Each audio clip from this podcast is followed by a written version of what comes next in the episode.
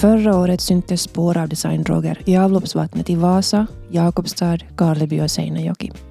Faktiskt till den grad att designdroger till och med är vanligare här än i huvudstadsregionen. Användningen av kokain ökar i Finland, liksom användningen av opioider. Det beräknas finnas uppemot 30 000 opioidmissbrukare i landet. Och Finland toppar statistiken i Europa då det gäller dödsfall till följd av drogöverdoser bland under 25-åringar. Hur blev det så här och vad kan vi göra? Det handlar dagens fokuserat om. Jag heter Sofie Stara och med mig idag har jag två personer som dagligen ser konsekvenserna av drogmissbruket. Tanja Sabel, som är kurator vid Lagmansgården och en mamma som vill hålla sitt namn anonymt av hänsyn till familjen, Monica.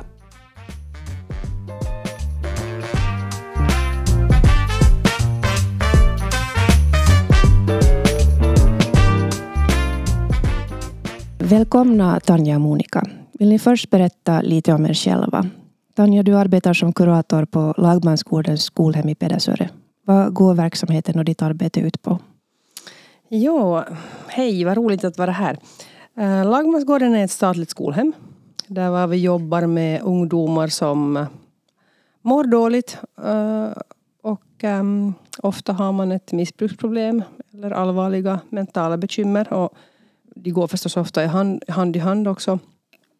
Uh, och vi finns här i Bennes och, och, och, där har jag jobbat sedan 2002 och sedan 2011 som kurator. Mm. Har, har, ditt, har det förändrats på något vis under den tiden? Väldigt mycket. Uh, idag så är ju största delen av våra ungdomar ungdomar med uh, missbruksproblematik. Och uh, det gör ju att vården blir svårare, det är svårare att nå fram om man har ett, ett liksom på ytan varande aktivt missbruksproblem. Så eh, jag tycker att vi ser nog också på statliga skolhemsnivån, alltså vi är fem statliga skolhem i vårt land idag, och, och vi ser nog allt djupare missbruksproblem bland de ungdomar som kommer till skolhem. Vilken typ av, av droger är det som missbrukas? Allt. Uh, förstås kanske på det sättet att, att cannabis av ungdomar idag inte anses nästan mera vara en drog. Eh, men eh, syns även tyngre droger. Mm. Och, och sen förstås, man kan väl konstatera att vi har en, en liksom ny grupp på det sättet i vårt land att, att riktigt unga som även injicerar. Eh, och jag, jag tänker att, att vi vet inte riktigt, vi har inte ännu vårdmodeller för den gruppen av ungdomar i vårt land eftersom man sköter om minderåriga missbrukare till exempel helt medicinlöst.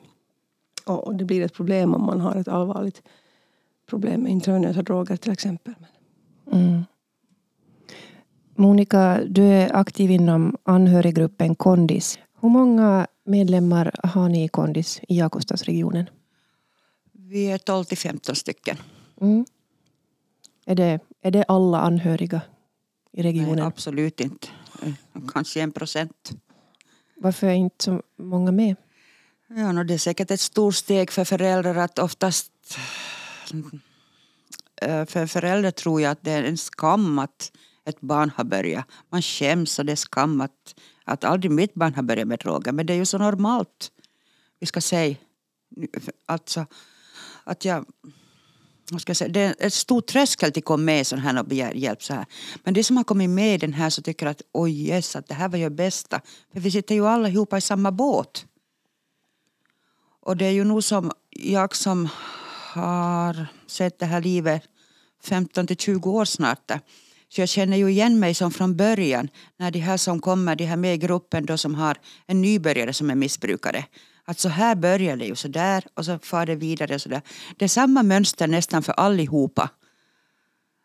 Att man börjar med cannabis och så här och så blir det tyngre droger och tyngre droger. Så blir det kriminalitet och så kan det bli fängelse. Och, och så kommer den mentala biten med också. Och föräldrarna mår jättedåligt. Det gör de. Jag har också uh, märkt det ofta att Alltså då man pratar om gränssättning i relationer. Vi har liksom, det är naturligare för oss att sätta gränser med våra partners och våra vänner och på det sättet. Men alltså relationen förälder och barn är ju liksom i grunden så att vi som föräldrar ska ge mera. Det är jättesvårt att sätta de där gränserna och det är som så smärtsamt. Alltså, då man, om jag tänker på de här föräldrarna som jag jobbar med på Lagmansgården. Det är jättesmärtsamt alltså att leva i det där att den här människan som jag älskar mest i världen så, så liksom inom situation väljer att leva det här livet. Man väljer ju inte mera sen då man har utvecklat liksom ett, ett, ett missbruksproblem. Men i något skede har man ju gjort ett Ja. aktivt val ändå. Fastän man kanske har visst allt det här och man har liksom... Mm. Men, och, och så sen den där skammen och skulden som, jag, som ser liksom ut att vara en extremt tung mantel att bära. Så, så där tänker jag nu att sådana grupper som Kondis är liksom guld värda. Och, och jag är ledsen för att så få har hittat dit. Ja, det finns ju liksom en stor styrka i sån här vertaistuki. absolut, ja. Och vi träffas varannan måndag. Gör vi, ja. Och faktiskt så är de jättenöjda som är med här i gruppen och säger att det här är bästa, som att, bästa stödet. De väntar redan på nästa gång, att när ska vi ha gruppen? Och vi sitter och diskuterar hur vi mår och så där, vad vi kan få hjälp och man stöder varandra. Vissa gånger är det någon som har mista sitt barn i drogerna. Men de vill ju, ju de har levt det här, med det här livet då ganska länge med den här drogen då med sitt barn. Då när, när, när de har mist sitt barn då till exempel så slutar de i den här så finns det en sorgegrupp då också till dem inom kondis. Så det är ju en annan sorg. Det är ju en sorg när ens barn eller en partner eller någon missbrukar. Men det är en annan sorg då nej, det har gått bort. Det är så fruktansvärt att det finns såna här grupper. Absolut.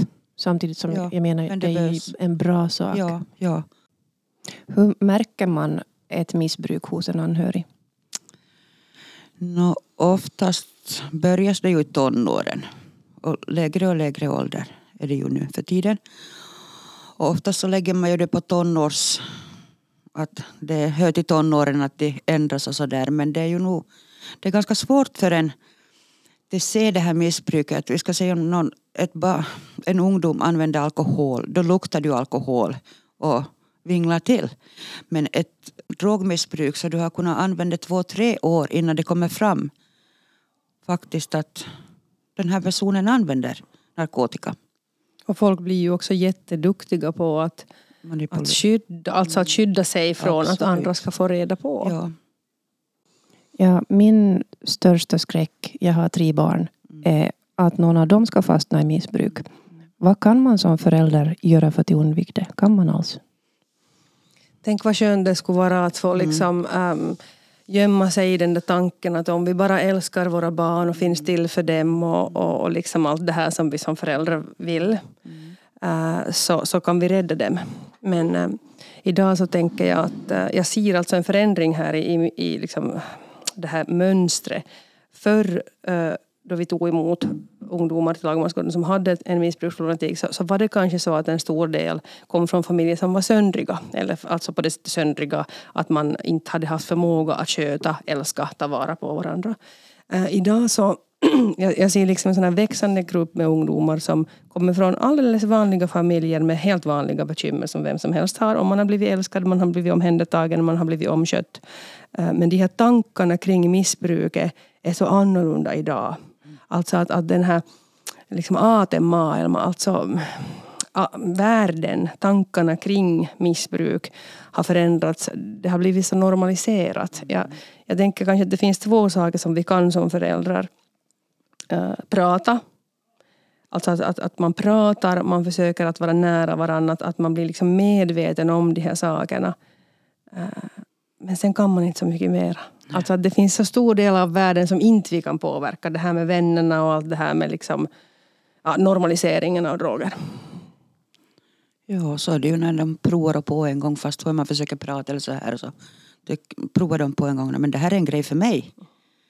Och i synnerhet de som har, lider av ADHD så där är det ju det att det här att de börjar fort droga. Och jag brukar säga att cannabis är nutidens mellanöl. De börjar med det. Som när vi var ung så började man med, om man, man går till alkoholen så man börjar ju med öl eller cider när man gick på ut. Men nu börjar de med röka sig och så kommer det tyngre droger hela tiden. För de börjar må dåligt då så då måste man få starkare och starkare och starkare hela tiden. Men jag tycker att du sa en bra poäng där att en viktig sak eh, är det här alltså att, att från tillräckligt ung ålder utreda ifall att där finns en sån här NEPS-problematik. Alltså att man får sån hjälp om det finns en sån, alltså ett sånt behov. Ja, Eh, Men sen, sen, sen finns det också liksom mycket ungdomar som inte har sån problematik och, och, och ändå så drivs man, alltså att man, man har det helt sådär okej annars i livet. Eh, Och så sen så, Okej, har du inte problem före du börjar använda droger så blir det sen då ett mentala problem. Att då är det ju mycket svårare. Och sen är det en så jättesvår, det blir en så svår konflikt där att om du har ett aktivt missbruksproblem så behöver du vara ren till tre till sex månader för att du ens slipper på en utredning. Japp. Och hur ska man kunna vara ren om din problematik är liksom, den. så, Ja. så det, det, det Ja. blir liksom en ond cirkel som Ja. matar varandra. Så, så jag tänker att, att ehm, det bästa man kan göra för att förhindra att ett missbruk ska börja jag, jag tror inte att det finns liksom sån här magic one som bara och så levde de lyckliga i alla sina Ja, dagar och liksom räddade. Utan att, att, att sträva till att ha en bra relation, alltså en öppen relation på det sättet att man kan prata om saker. Och sen att vi vuxna, och det är jättesvårt, alltså att man ska kunna utan att döma diskutera droger. Utan att liksom bli den här emotionellt instabila mamman med liksom håret på spärr och alla droger är- liksom, som man kanske skulle vilja för, att, för att man är rädd. Och, och man liksom värnar över de egna barnen förstås mest i hela världen. Men, men jag tror att en sån här öppen diskussion där var man kanske... Jag måste som yrkesmänniska inse att äh, jag minns den stunden, det var liksom väldigt tydligt för mig. Då jag måste som inse att, att i stunden så finns det någon nytta av den här drogen för den här människan. Annars Ja. skulle de inte göra det. Och, och sen behöver man liksom börja nysta i att vad kan man göra istället för. Men om man bara står där med fingret och hyttar, fy fy det här är nog bara, och utan att liksom försöka hitta att vad är det den här människan söker, då kommer inte vi fram någonstans. Ja, ja, så är det. Den här normaliseringen ni nämnde, var har den skett? Och hur? Man är ju med allstans på ett annat sätt än vad vi var förr eftersom vi har internet i vår ficka hela tiden och våra ungdomar tänker att liksom allt det här roliga, all den här, liksom den här glitterfasaden som, som ofta finns. Jag menar vem av oss lägger upp sån här oj det är så depressivt och jobbiga bilder utan, utan om, bara om du tänker den nivån så är det ju liksom bara det här lyckliga, det här fina välstädade hem, fina matportioner och så vidare. Ja. Eh, likadant alltså med, med sådana här alltså människor som är kända. Att man, man, man, man tänker ju ofta som ung säkert att det är den här, det här festa sig och, och liksom den här roliga världen.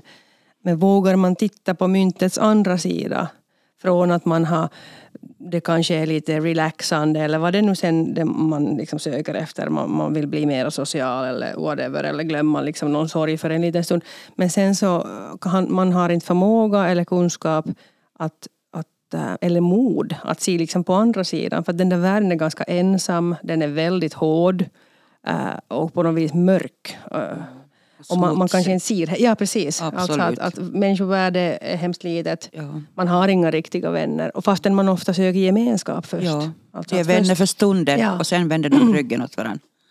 Men, men om inte man, om inte man liksom vågar svänga på det där myntet eller om inte man har någon som lite pittar på det där att hej vänta nu det finns även en annan sida. Ja. Så, så är det säkert ganska lätt att liksom fastna i det där eh, fina Ja. festfasaden så att säga. Är vi generellt sett för naiva i Finland? Absolut. Absolut, jo, absolut, ja. ja. Att vi ska säga för 10-15 år sedan så blev man stämplad som, kanske som förälder att, nej men att, att det är ditt fel att ditt barn drogar det här. Men någon går inte säker nu, 2023. Så tänker nog jag också. Absolut, alltså att jag brukar säga att det, det, det positiva jag ser att vara gammal, att man inte är någon ungdom för man vet inte själv heller vad man skulle vara idag. Det finns inte någon garanti. Men Just att när en för- förälder får reda på det, att ens barn drogar, så kan det vara två, tre år. Att du märker då, att du lägger det fort som jag sa redan, att på ungdomspuberteten att de eh, försöker söka sig själv. Men då kan det vara drogerna med i bilden redan, för länge sedan. Och jag tror som förälder så är det sista som får veta att ditt barn använder droger. Men jo, och jag tänker också att det är ganska naturligt att det är så. För att man, man älskar ju och man vill väl och man hoppas på allt det där bra. Alltså är man ju inte helt objektiv. Alltså nu är vi igen lite inne på det här med skolhemsvård också. Varför det är så viktigt att personal och föräldrar liksom lägger ihop sin styrka. Mm. Samma sak lite här att som förälder så ser man ju med sitt hjärta, om ni förstår hur jag menar. Ja. Alltså man ser inte det objektiva. Det är klart att man kan, man kan mäta med vissa såna yttre mätare, om man nu säger som så. Alltså att, att ha personligheten förändrats. Samtidigt kan personligheten förändras för att man är mitt inne i tonårsstormen. Liksom, ja. Uh, hur är det med vännerna? Har de plötsligt bytts ut? Kan också vara en tonårsgrej förstås. Uh, hur är det med sina, de där hobbyn, är man alls intresserad av ja. de mera? Uh, pengar. Pengarna, var, mm. liksom, hu, hu, vart far de där pengarna? Behövs plötsligt mycket pengar? Ja, och grejer försvinner hemifrån, mm. all elektronik och sånt de säljer. Mm. Ja, och, och sen det här yttre förstås. Att, att man, men, men de sakerna kan ju också ändras av olika orsaker. Men, men jag tänker att det är sådana saker, alltså hur går det i skolan? Hur ser vännerna ut? Hur är de här hobbyerna? Hur är det med ekonomin? Hur är det med, med det här liksom sinnestillståndet så att säga? Ja, ja. Eh, eh, och, så, och, samtidigt så man kan ju förstås inte börja vara som en sån här detektiv heller hemma. Att man liksom går omkring och sniffar och tittar på. Alltså för då blir ju relationer också jätte äh, irriterade. Och så är det ju också ofta. Alltså att, att hela familjen är jätte, jättetrött sen då man väl redan har utvecklat en missbruksproblematik. Men, men liksom att visst kan man tänka på de där sakerna då man utvärderar som, som förälder den där, den där situationen. Men samtidigt så, jag tycker man ska ju vara en förälder. Inte ska man tro att, som om jag nu tänker på mig själv, jag har det här till mitt jobb. Och jag har jobbat ganska länge med det här och jag tänker också att jag är ganska bra på mitt jobb. Men inte jag är en yrkesmänniska där hemma. Jag är mamma och det ska jag få vara. Äh, och bara mamma. Det är klart att man kanske tänker på vissa saker mera men information för också med sig smärta på ett helt annat sätt. Alltså att äh, man brukar säga på finska att tieto lisää tuskaa, alltså i allra högsta grad. Ibland önskar jag att man skulle få liksom bara lägga på sig liksom mössan över ögonen och bara la la la la la. Så som förälder kan man prata och vara öppen med att vad som ligger bakom det här behovet också av att barnet har börjat använda en drog. Men hur kan samhället förebygga drogmissbruk? Är det mera mentalvårdstjänster som behövs? Eller hur ser ni på det? Ja, svårt. Och förstås en, en ungdom som har kommit långt in i sitt missbruk så behöver jätte, det är stor skillnad om du har, ett barn har droga på ett år eller 15 år. Och när de kommer in på vård så är det en månadsvård. Då, och då tänker de att nu är du frisk, att det här uh, missbruket ditt är borta. Men det är så mycket som ligger där bakom också. Att det är mentala problemen. Och då skulle de måste få stöd när de kommer ut från ett behandlingshem det största stödet man kan få för de är så trötta, de är så slut i huvudet. Det är inte bara den här drogbiten, det är så mycket annat som har kommit med under de här drogmissbrukaråren. Att stärka jaget. jaget. Alltså man ja, får ju absolut. vanligtvis en väldigt starkt negativ jagbild. Absolut. Att, att stärka ja, det. Att först, om du får kalla handen från varje ställe så, så jag tycker att att det, det, kan lyckas den här en månads vård för en som har drogat ett år, som är nybörjare, som inte har kommit in i det tunga missbruket. Men fyra veckor på en vårdanstalt, så det är, en, det är, en, det är för kort tid. Men Absolut. får man det stödet eller betraktas man som en, en dålig människa på något vis som missbrukare som inte får hjälp med att stärka sitt jag? Ja, nu är det ganska svagt nog. Att de tycker, då, då är det ju lätt att de inte får som att nu skulle jag vilja ha hjälp. Och förstås det är ju resurserna som det är ju pengarna som styr här också. Att det är dyrt, men nu är det ju dyrt. Jag har en missbrukare också som går arbetslös hela tiden och, och hela tiden in på sjukhus och, och vi ska säga som medicin, mediciner, de, de försöker, de, mediciner vill de ju ha. Att det är ju en stor det här Bentson och allt det här som de ska ha. Och då jobbar ju inte de här några de här. Och uh, så får de betalningsförbindelse till exempel från socialen. De kostar inte någonting åt dem. De får jättemycket utskrivna mediciner så går de efter dem gratis och det är gratis. Att det är en sån här ond cirkel här. Sen tänker jag att, att, alltså att, att var borde man jobba som före här missbruk har utvecklats. Mm. Alltså jag tror att redan på rådgivningen, alltså stö, stöda föräldrarna, unga föräldrar äh, finnas till. För den på 90-talet fanns ju ännu sån här gammaldags hemhjälptjänst. Alltså ja. att man fick som Alltså konkret, alltså en, hjälp, alltså en hjälpande hand, riktig hjälp i vardagen. Jag, jag, jag tror att, att det fanns mycket fördelar med det. Eh, och sen tror jag också att ehm, jag gjorde ett sådant projekt för några år sedan med, med lågstadieskolorna som handlar om välmående, alltså just i, i eh, alltså att, som jobbar i preventivt syfte eh, kring missbruksproblematik och, och där la jag ju förstås och vill ha fokus på välmående. Om man nu tänker att en välmående människa så gör med större sannolikhet bättre val för sig själv. Och, och där märker jag ju att, att femteklassisterna de visste hemskt mycket i femmorna och sexorna redan om, om droger. Mycket mer än vad föräldrarna kanske vill, vill tro och, och mycket mer än vad lärarna tänkte. Äh, men äh, årskurs fem, alltså att börja tillräckligt tidigt att påverka de här tankarna, alltså att sväng på det myntet så att säga. Mm. Alltså att, att förutom det här fina Instagram och var det nu allstans, liksom TikTok och alla de här, liksom det här flödet så, så liksom lite mm, Eh, potta på det där, liksom, de där tankarna. Att kan vi, kan vi, vågar vi titta på andra sidan myntet? Vad finns där? Och, och årskurs fem så var ännu väldigt öppna för att de var inte liksom ännu som insatt i det där mönstret så att säga. Så, så jag minns att jag, då jag skrev en slutrapport på det där så skrev jag att, att eh, man tänk, jag tänker att, att man borde som i väldigt tidig ålder börja påverka de där tankarna och, och komma till att, våga se på, på alla, ur alla synvinklar. Monica, du sa att uh, inom gruppen så, så hade det kommit önskemål om, eller folk ville föra fram några saker. Vad var det?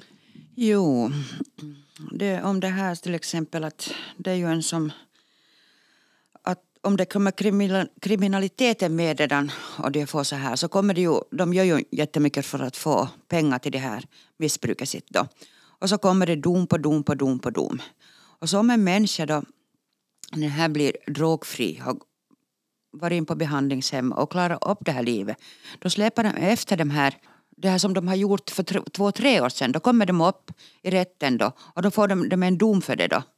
Senare i livet, att det skulle vara så bra att det skulle komma snabbare upp alla de här som de har gjort och så, när de, så de, de får börja som från ett nytt mm. rent bord mm. sen när de blir nyktra. För då är det lätt att okej okay, jag har en dom som jag ska sitta av i sex månader om ett år eller sådär. Så det är lätt att de, no, jag skiter i allt. Att jag ska ändå dit och sitta. Men det, är det belastar ju förstås polisen och de har ju mycket jobb med det här och det, det ökar bara mer och mer. Att men att rättssystemet borde snabbare? Absolut, att de får som allt på en gång då, att de får ja. sitta borta och så då får de börja. För nu är de, de är ju som Bambi på hal is igen när de kommer. Jag tänker att det här är skit att jag hamnar och får ändå att börja droga på då på nytt. Det är så lätt, det behövs bara så lite, lite, lite. Ja, och sen är det ju också, det, där tänker jag att just det här liksom arbetet som du nämnde tidigare efter en vårdperiod till exempel. Mm. Alltså att, att lära sig eh, att hantera som motgångar på ett annat sätt än att, att liksom ta till droger. Alltså att, att, och igen det där med känslohantering och, och allt det där att, att det borde liksom finnas något stöd som, som jobbar i de banorna sen. Alltså att, att vi brukar säga på, på skolhem att man kan inte ta bort någonting utan att lägga, ge någonting till. Alltså att om, man, om, man, om man klarar av att sluta med ett missbruk så lämnar det ett stort tomrum. Och det behöver fyllas med någonting, med, liksom, med ny kunskap, med ny förmåga. Uh, nya människor. Ofta är det ju så att man måste helt gå bort ifrån de där gamla kompisarna. Och det är också jättesmärtsamt. Alltså att, att, att, välja ja. bort vissa människor som, som kanske har varit viktiga. Uh, och sen kanske någon sån här, ofta pratar man ju om då inom rehabiliteringen liksom om att hitta någonting man tycker om att göra. Alltså ofta handlar det ju om fysisk träning, alltså att, att, att, man behöver de här upplevelserna som känns i kroppen. Men, men sån, sånt borde kanske finnas mera. Jo. Hur ser ni på en legalisering av cannabis? Mm, jag tycker det är så legaliserat redan. Du nästan du får varje dag. Att det är nog så fritt redan. Fast det är olagligt men jag tror nog inte det finns ju. Alltså jag, jag, tror att det kommer att legaliseras förr eller senare. Sen, eh, alltså de psykiska faktorerna och riskerna så är ju lika sanna och verkliga fastän det blir legaliserat. Sen kan man förstås diskutera det där att äh, blir det liksom mindre problem för folk för att det inte är brottsligt. Slipper man liksom ur den där brottsliga världen för att det skulle bli legaliserat. Själv är jag nog liksom jätte, jätteskeptisk till det. Jag är jätteorolig för den passivering som sker i folk då de eh, använder specifikt cannabis. Alltså att jag får ju ofta höra att ja, men man får också cannabis om man är dödligt sjuk. Så brukar jag alltid svara att men om man har cancer och ska dö snart så då behöver du liksom inte lära dig, du behöver inte leverera någonting, du behöver inte bygga någonting i ditt liv. Men, men, men om man ska leva det här livet, speciellt som ungdom, alltså nu, nu pratar jag ju förstås ur mitt perspektiv, det vill säga under, liksom med minderåriga. Så, så du behöver ju liksom bygga ditt liv, lära dig saker. Din hjärna håller på att utvecklas ännu tills vi är 25 år. Att, att, att jag tror inte att det leder till några bra saker. Och sen vet vi ju också att det finns länder där var det är legaliserat och inte vet jag nog om de lever liksom i den här lyckliga puttesnuttvärlden, för det är inte. Ja. Nej, jag tror inte. Om man tänker att det blir legaliserat, du får röka på så här och så kör du bil då. Vissa kommer i en psykos av första gången de tar cannabis. Det är många som har lämnat och lik resten av livet. Och det, de säger ju att nej, men nu kan man röka cannabis, att det inte är så farligt. Att det är bättre än tobak till exempel. Ja, säkert finns det folk som kan, alltså som har lite tur och lite flow med det. Att du kommer Absolut. undan med att röka på lite ja, nu och då ja. och livet fortsätter helt normalt. Men, men sen finns det mycket människor som inte. Och, och speciellt om man har en tendens till ska vi säga, sån här depressivitet. Alltså att om, om, man, om man är lite så här neråt, alltså att man kan lätt bli neråt. Så, så lägg lite cannabis i den soppan så, så blir det liksom betydligt värre. Ja, det är ju inte som att psykisk ohälsa och depression är ett minskande problem i Finland. Nej, nej det, det ökar nog. Absolut.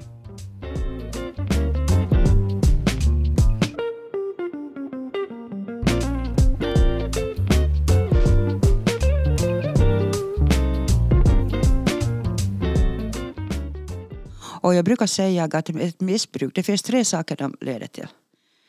Det är döden, mentala problem eller fängelse.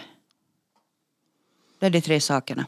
Ja, jag brukar också ofta säga att uh, då man jobbar med ungdomarna att då de ofta känner att livet är liksom skit. Det finns så mycket jobbigheter så använder de ju liksom att de här orden att livet är skit. Mm. Så brukar jag säga att ja, livet är säkert skit och det finns ett sätt att göra det skitare och det är att börja använda droger.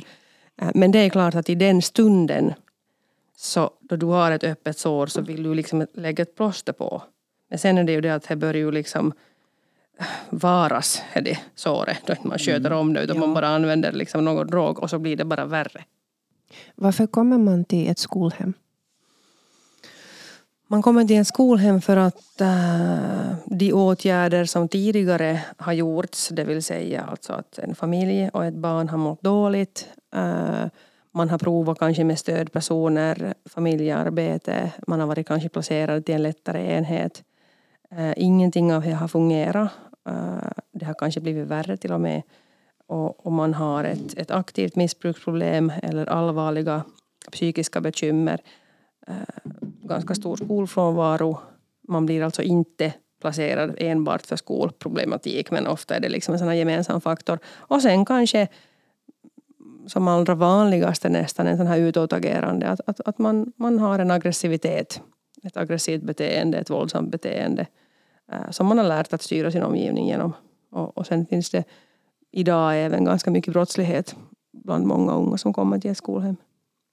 Hur hanterar ni då att allt fler har drogmissbruk?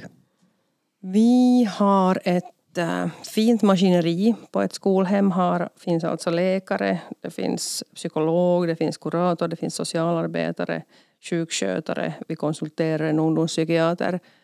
Äh, vi har egenvården som gör det viktigaste jobbet av alla, alltså finns till som en förlängning av förälderns hand, brukar jag säga. Att, att nu är inte dina föräldrar här, utan nu är, är liksom egenvårdarna här och de ska finnas till eh, på de ställen där föräldrar annars skulle finnas och föräldrarnas och egenvårdarnas och förstås vår allas arbetsuppgift är att tillsammans försöka stödja upp den här ungdomens mående. Eh, allt det här funkar som ett stort fint maskineri kring den här ungdomen. Men sen är det upp till den människan om de vill ta emot det eller inte. Sen är det förstås det är också lite orättvist att säga sådär om du vill eller inte vill. Därför att om du har ett aktivt missbruksproblem så är det inte mera du själv som bestämmer vad du vill eller inte vill. Du är liksom inte kapten på ditt skepp. Uh, och då talar vi om någonting som kallas för stabiliserande vardag. Alltså att man, man försöker att genom de här ni vet det här perussättet, att man sover på natten och är vaken på dagen, man går i skolan, man äter, man har en vettig fritidssysselsättning. Det finns mycket vuxna omkring på ett skolhem, det finns mycket personal som finns till för dig hela tiden. Eh, men samtidigt, alltså att man försöker stabilisera ditt mående så att du kan ta till dig nya saker och göra andra val. Men samtidigt är det lika sant att, att uh, ungdomar i den åldern ofta ännu är kvar i den här romantiska tanken så att säga inom situation kring det här missbruket. De har inte ännu nått det i botten. De tycker bara att, att, eller bara de tycker ofta att vuxna gör ett onödigt stort problem av att man nu använder de här drogerna. Eh, och de är kanske inte villiga att ta emot den där hjälpen. Och faktum kvarstår att eh, liksom i fängelserna i vårt land så finns det även droger på skolhem. Eh, och så länge som vi har en telefon eller en ungdom som får röras fritt så är det möjligt att, att skaffa illegala preparat. Och idag är det ju extremt lätt att via nätet äh, beställa och, och va, vad man vill. Mm. Och det, det är liksom skrämmande att åtminstone för mig ser det ut som att det är lättare att skaffa droger för en minderårig än alkohol. Absolut, ja. Och det, det är liksom, ja. det, det, man blir mörkrädd. Alltså det levereras paket då som hämtas upp? Ja, eller? man kan ju komma överens om att man hämtar ett paket på Prisma WC eller Ja, då finns det ju de här apparna på Facebook. Ja, om någon kan slänga som det här som att det, det är sådana här som drogerna har då. Så är det på olika namn där så till exempel om du får till Vasa och jag tänker att jag är med i den här då så det här så söker jag, är jag med i den här med namnet Regia, finns det någonting här i Vasa så kan det svara som inte jag vet om heller att ja, jag har att kom dit och dit så mm. får du. Så det är som... Alltså det är de liksom... är steget före alla andra. Mm. Jag tror det finns inte så mycket kokain och, kokain och heroin här i stan. Men allt annat är tillgängligt. Alltså, Tablettmissbruk och tabletter det är ju så lätt att få att det är ju till beställ. Salol eller någonting sånt här. Sanoro. Att det, det känns ju som att polisen har som det är ju liksom ett arbete som aldrig tar slut och, och, och de som missbrukar är alltid ett steg före mm. också med sådana alltså kombinationer av ämnen som, som kanske till exempel inte syns på test och sådana saker. Att, att det är nog liksom en, det är en djungel av ja, horror på något vis. Absolut, ja. Mm. Sen tänker jag nog att om man liksom misstänker att ens eget barn nu till exempel eller partner eller vem det nu sen är. Mm. Att, att ta till tals, förklara varför. Jag tänker att, att det är sådär, att vilka saker är det som gör att, att liksom de här klockorna börjar ringa? Att vad är det som inte stämmer nu? Uh, och sen beroende förstås på åldern på de här människorna så kan man ju behöva koppla in olika myndigheter. Absolut, ja. Men, och sen det där att, att igen att är de villiga att ta emot vård. Om det är en myndig människa så får de ju bestämma själv. Om det är en minderårig så, så behöver man ju liksom få, eller kan man ju få hjälp eh, fastän de inte vill. Men det handlar ju i så fall om placering. Eh, och, och sen är det förstås så också att, att, eh, alltså att man ska inte sopa det under mattan. Att, att då man har institutioner som skolhem och där bor flera ungdomar som mår väldigt dåligt och har en, en, en, liksom en, en stark problematik. Så det är klart att man även, förutom allt det här fina som man kan få och ta emot, så kan man även lära sig negativa saker. Uh, och, och, och det behöver man liksom vara öppen med och inse att, att inte heller nyckeln, inte det är alltid så att då någon blir omhändertagen och placerad så lever de lyckliga Lycklig, i alla sina dagar. dagar absolut inte. Nej. Äh, liksom att, att, där kommer ju, men, men sen är det förstås så att då det handlar om just skolhemsvård, att när du hamnat i ett skolhem så är problematiken redan så djup att det inte finns andra alternativ. Alltså att skolhemmen ska inte ta emot barn som har liksom lättare eh, bekymmer för att då, då får man med största sannolikhet mer negativt än positivt ifrån det. Och det är ju det att när de tar drogerna så bedövar de ju alla känslorna sina. De kan inte ta känslor. Jag minns när min, min son han var nykter i ja, han var nästan ett år. Och då var vi på en begravning. Han sa det här var bästa begravningen jag har varit på. Han kunde visa sina känslor. Han var bedövad av det här narkotikapreparaten. Hur har du känt dig de perioder han har varit nykter? Har du hoppats att det här ska nu vara sista gången? Ja, det är ju så att som alla föräldrar som vi har här i gruppen alltså, tänker att yes, nu ser det bra ut, nu ser det bra ut. Men man har lärt sig att man ska inte ta någonting för givet. Att jag brukar säga när en missbrukare kommer att, och säger att nu har jag varit nykter i tre, fyra år, då kan man börja hoppas. Men en missbrukare tänker att när jag har varit nykter en månad, yes det här är längre. Men det är ju ingenting. Sen har jag också ofta tänkt att, att eh, liksom, man har följt med människor som har försökt tillfriskna eller tillfriskna. Att, att uh, sen om de slutar till sig i något skede att de är rädda för att falla tillbaka så då är det ofta en sån där signal för Absolut. att då blir man själv orolig. Alltså ja. att, så länge de där människorna förstår till vad, alltså, det är också många som har sagt så här att, med att, att man måste vara rädd för sig själv. Mm. Att, att så länge man liksom har på ytan den där att det kan ta mig på nytt ja. så, så är man på något vis på ett ganska bra ställe. Uh, men att, att sen om man, om man släpper fokus och tänker att I'm safe Mm. Så, så då blir det farligt lätt ja, Absolut. Och redan tanken när de börjar tänka på att nej, men jag kan ju ta en öl mm. eller två öl. Att tanken att nej men jag tog inte något, jag tänkte nog att jag skulle ta igår. Men då sätter den här processen redan igång. Så är man på halis, jättehalis. Och då ja. går det en, två, tre dagar kanske. Så då är det. Och då när de börjar, vi ska säga att de har varit nykter i fyra år och de börjar använda igen så är det som de skulle börja där det var de slutade sist med drogerna. Det är inte någon nybörjare då mera. Utan det, det är som 100 procent då igen. Återfallsarbete är ju liksom väldigt viktigt eh, med de här ungdomarna som man har på skol, skolhem. Just det här som du nämnde nu att, att, man, att den här människan själv lär sig att känna igen de där tecknen då de börjar bädd för att tänk om jag ändå skulle, just det här att ja men ja. en öl eller, eller att jag nu röker lite cannabis bara. Eh, eller vad det nu är som den människan då liksom eh, börjar ställa till med för att så att säga möjliggöra ett missbruk. Ehm, så, så det är viktigt att känna igen dem. Men jag, jag undrar hur mycket sånt arbete görs med vuxna. Alltså att om du är in på en, vi säger, en, en, en period på Pixne och så kommer du därifrån. Inte det är ju någon som gör något sånt arbete med de människorna mera Absolut inte. Mm. Så då står du där då? Då står man där. Nu har jag varit på vård och nu är jag frisk och nu ska livet börja. Nej, det är absolut. Mm. Som samma sak som att om man nu har blivit sig hjärtopererad. Inte det väl så man bokar man ju ut genom sjukhusdörren och sen bara hejpa. Ja, man får ju mediciner och man får ja, liksom, uppföljningar ja, hela tiden. Det var viktigt. Ja. Och samma läsare som har kan, cancersjuka också så att, att de måste få vård. Och inte det är ju allihopa som utvecklar ett missbruk. Det är, jag vet många som, inte i Jakobstad men runt omkring som röker och på ska vi säga feströker som sådär så kan hålla det så här. Så allihopa utvecklar inte det här missbruket. Så att det blir som till en.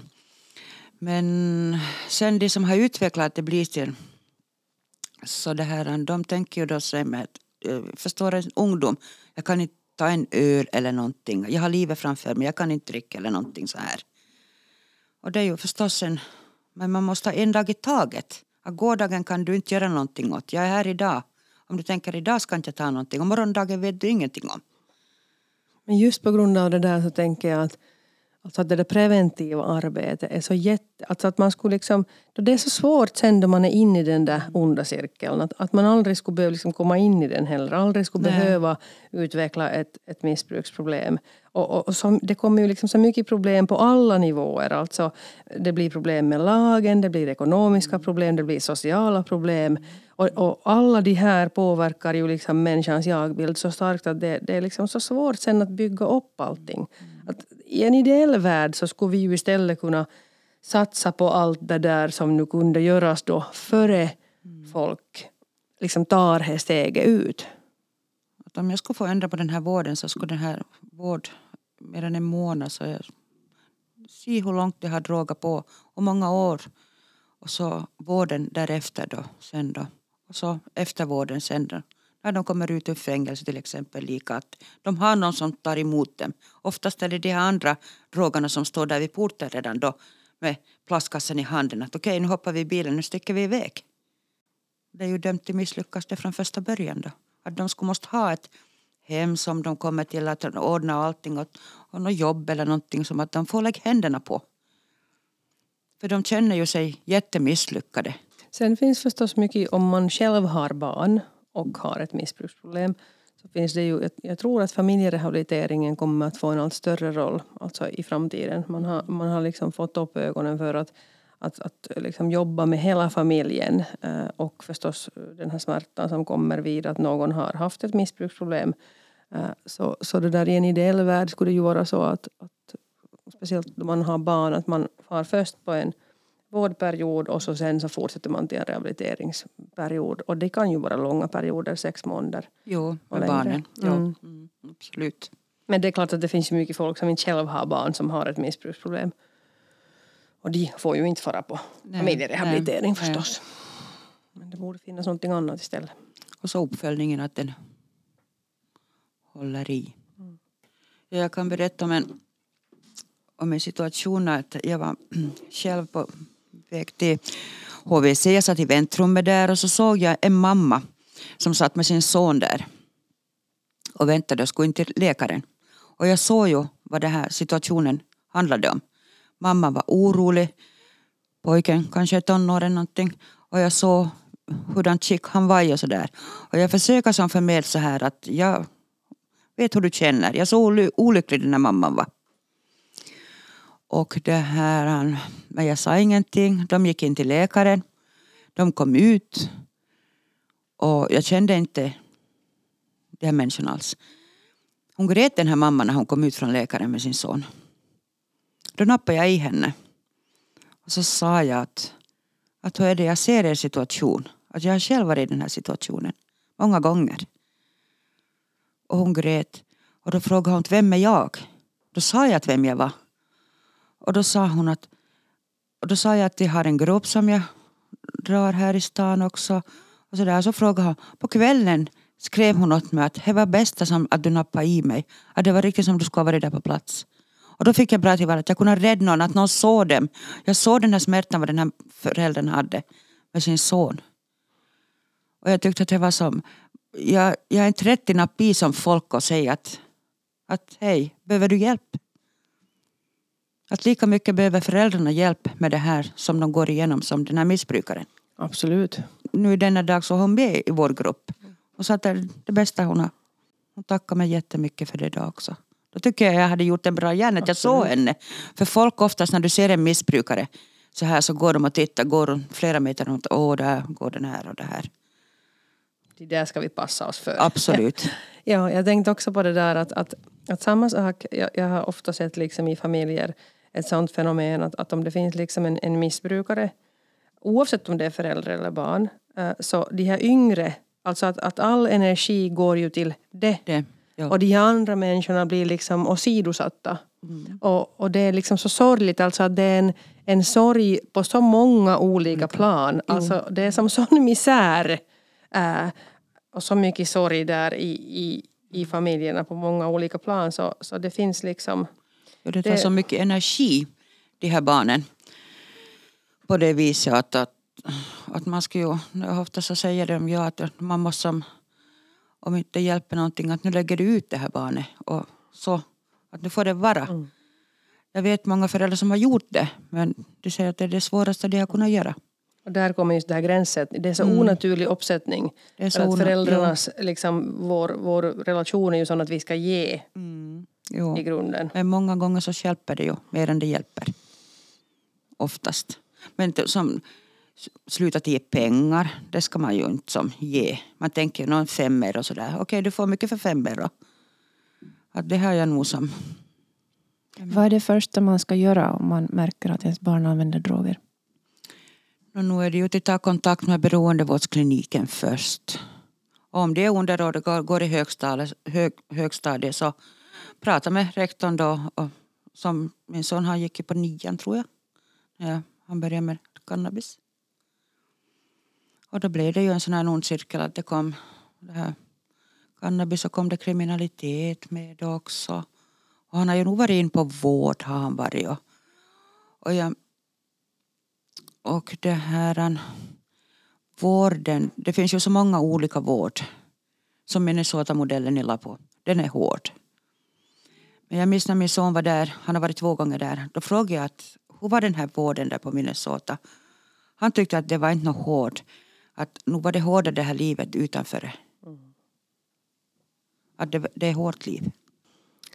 Jag tror att vi i Österbotten har en sån här tystnadens kultur fortfarande. Och, som går mycket i hand i hand med skuld och skam. Och har vi nog varit tillräckligt bra och, och det ska vara så här fin fasad och fina ytor och, och, och så här.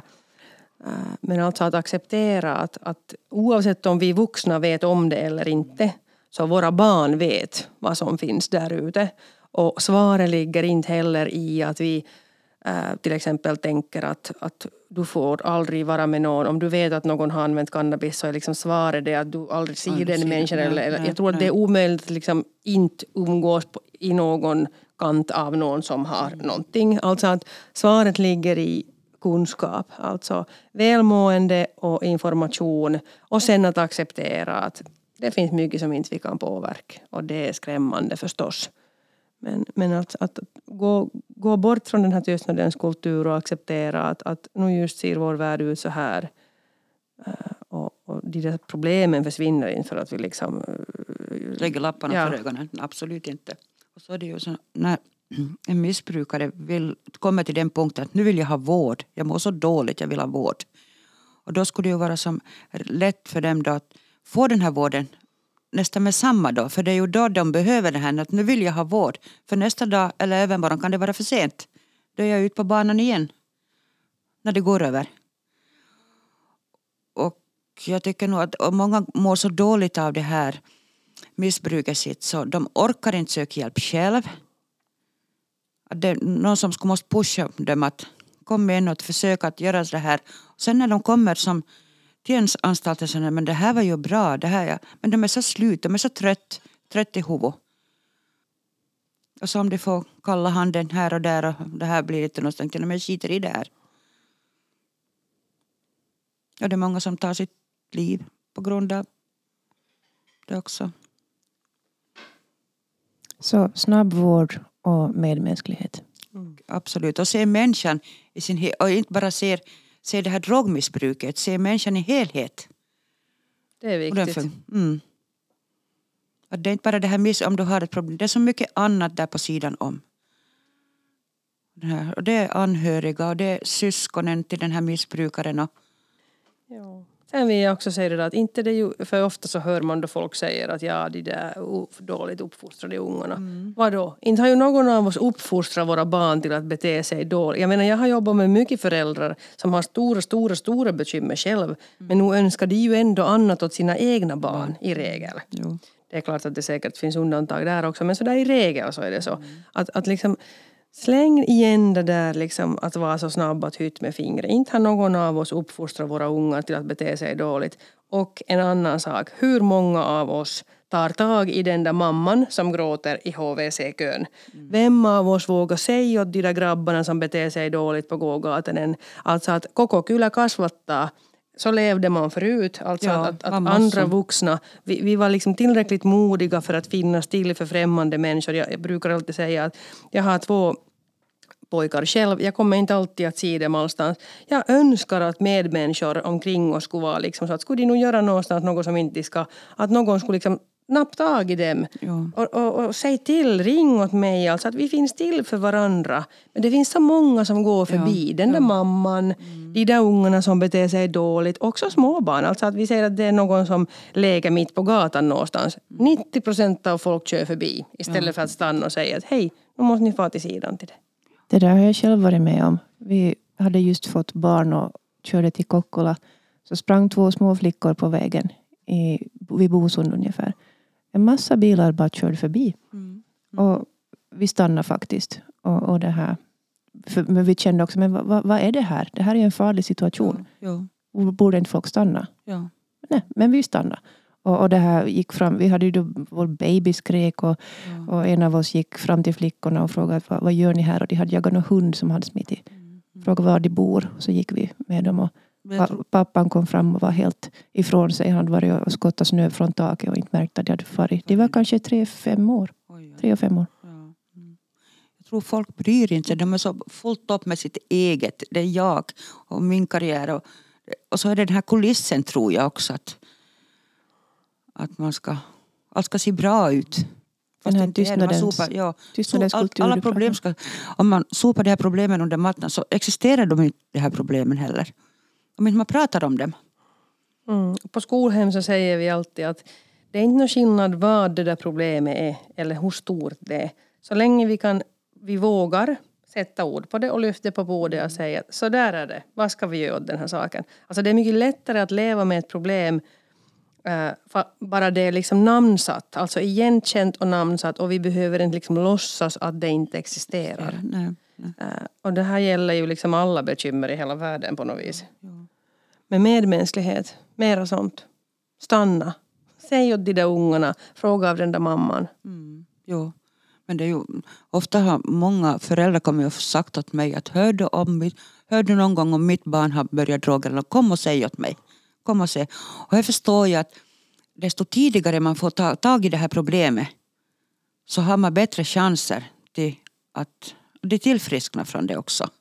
Sen då.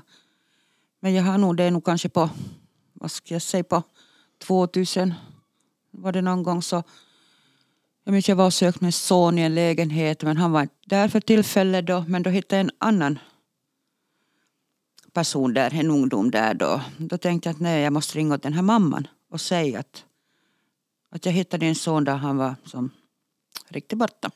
Jag ringde. Men hon kunde inte ta emot det. Hon sa nej, sköt dem ditt så sköt jag mitt. Och jag blev jätteledsen. Man, man, det är ju förstås när de kommer och säger att ditt barn, så det är en chock. Nej, inte det här. Men nu finns han inte med, mer än den här människan. Hon är död. Men där igen, är skrämmande. Att, ja, men att den människan måste ju ha varit så smärtfull att man inte har liksom vågat inse eller kunna inse nej. att nu är det så här.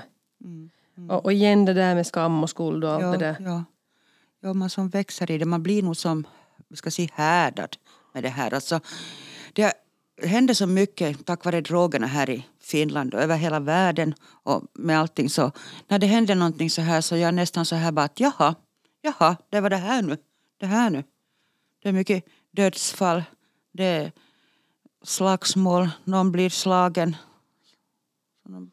En annan sak, jag har märkt själv i mig då du sa det här nu, att, att då det är mycket sorger och, och liksom bekymmer som man ser dagligen, så, så jag är liksom hemskt glad för att jag, jag tror att jag som produkt av det har jag utvecklat liksom en förmåga att vara väldigt tacksam för små saker. Mm, man blir det. Alltså väldigt, alltså jag tror att, Ja. att det är också en grej. Att, alltså att, att skulle vi kunna vara lite mera tacksamma för de små saker som vi har. absolut. Fastän det låter lite sådär mutteputtigt nu. Men liksom, att, att se det som är bra och njuta av det. Också i Snälla. situationer då inte inom situation allt är perfekt i världen. För det är det ju sällan i någons liv. Nej, nej.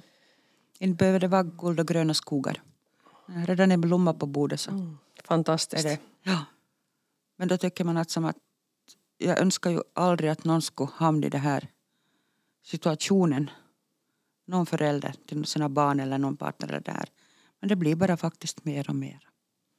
Tyvärr. Stort tack till er, Tanja och Monica, för att ni medverkar i Fokuserat idag. Det är ett viktigt ämne. Absolut. Tack, Tack. tack. Tack. Roligt att få komma hit.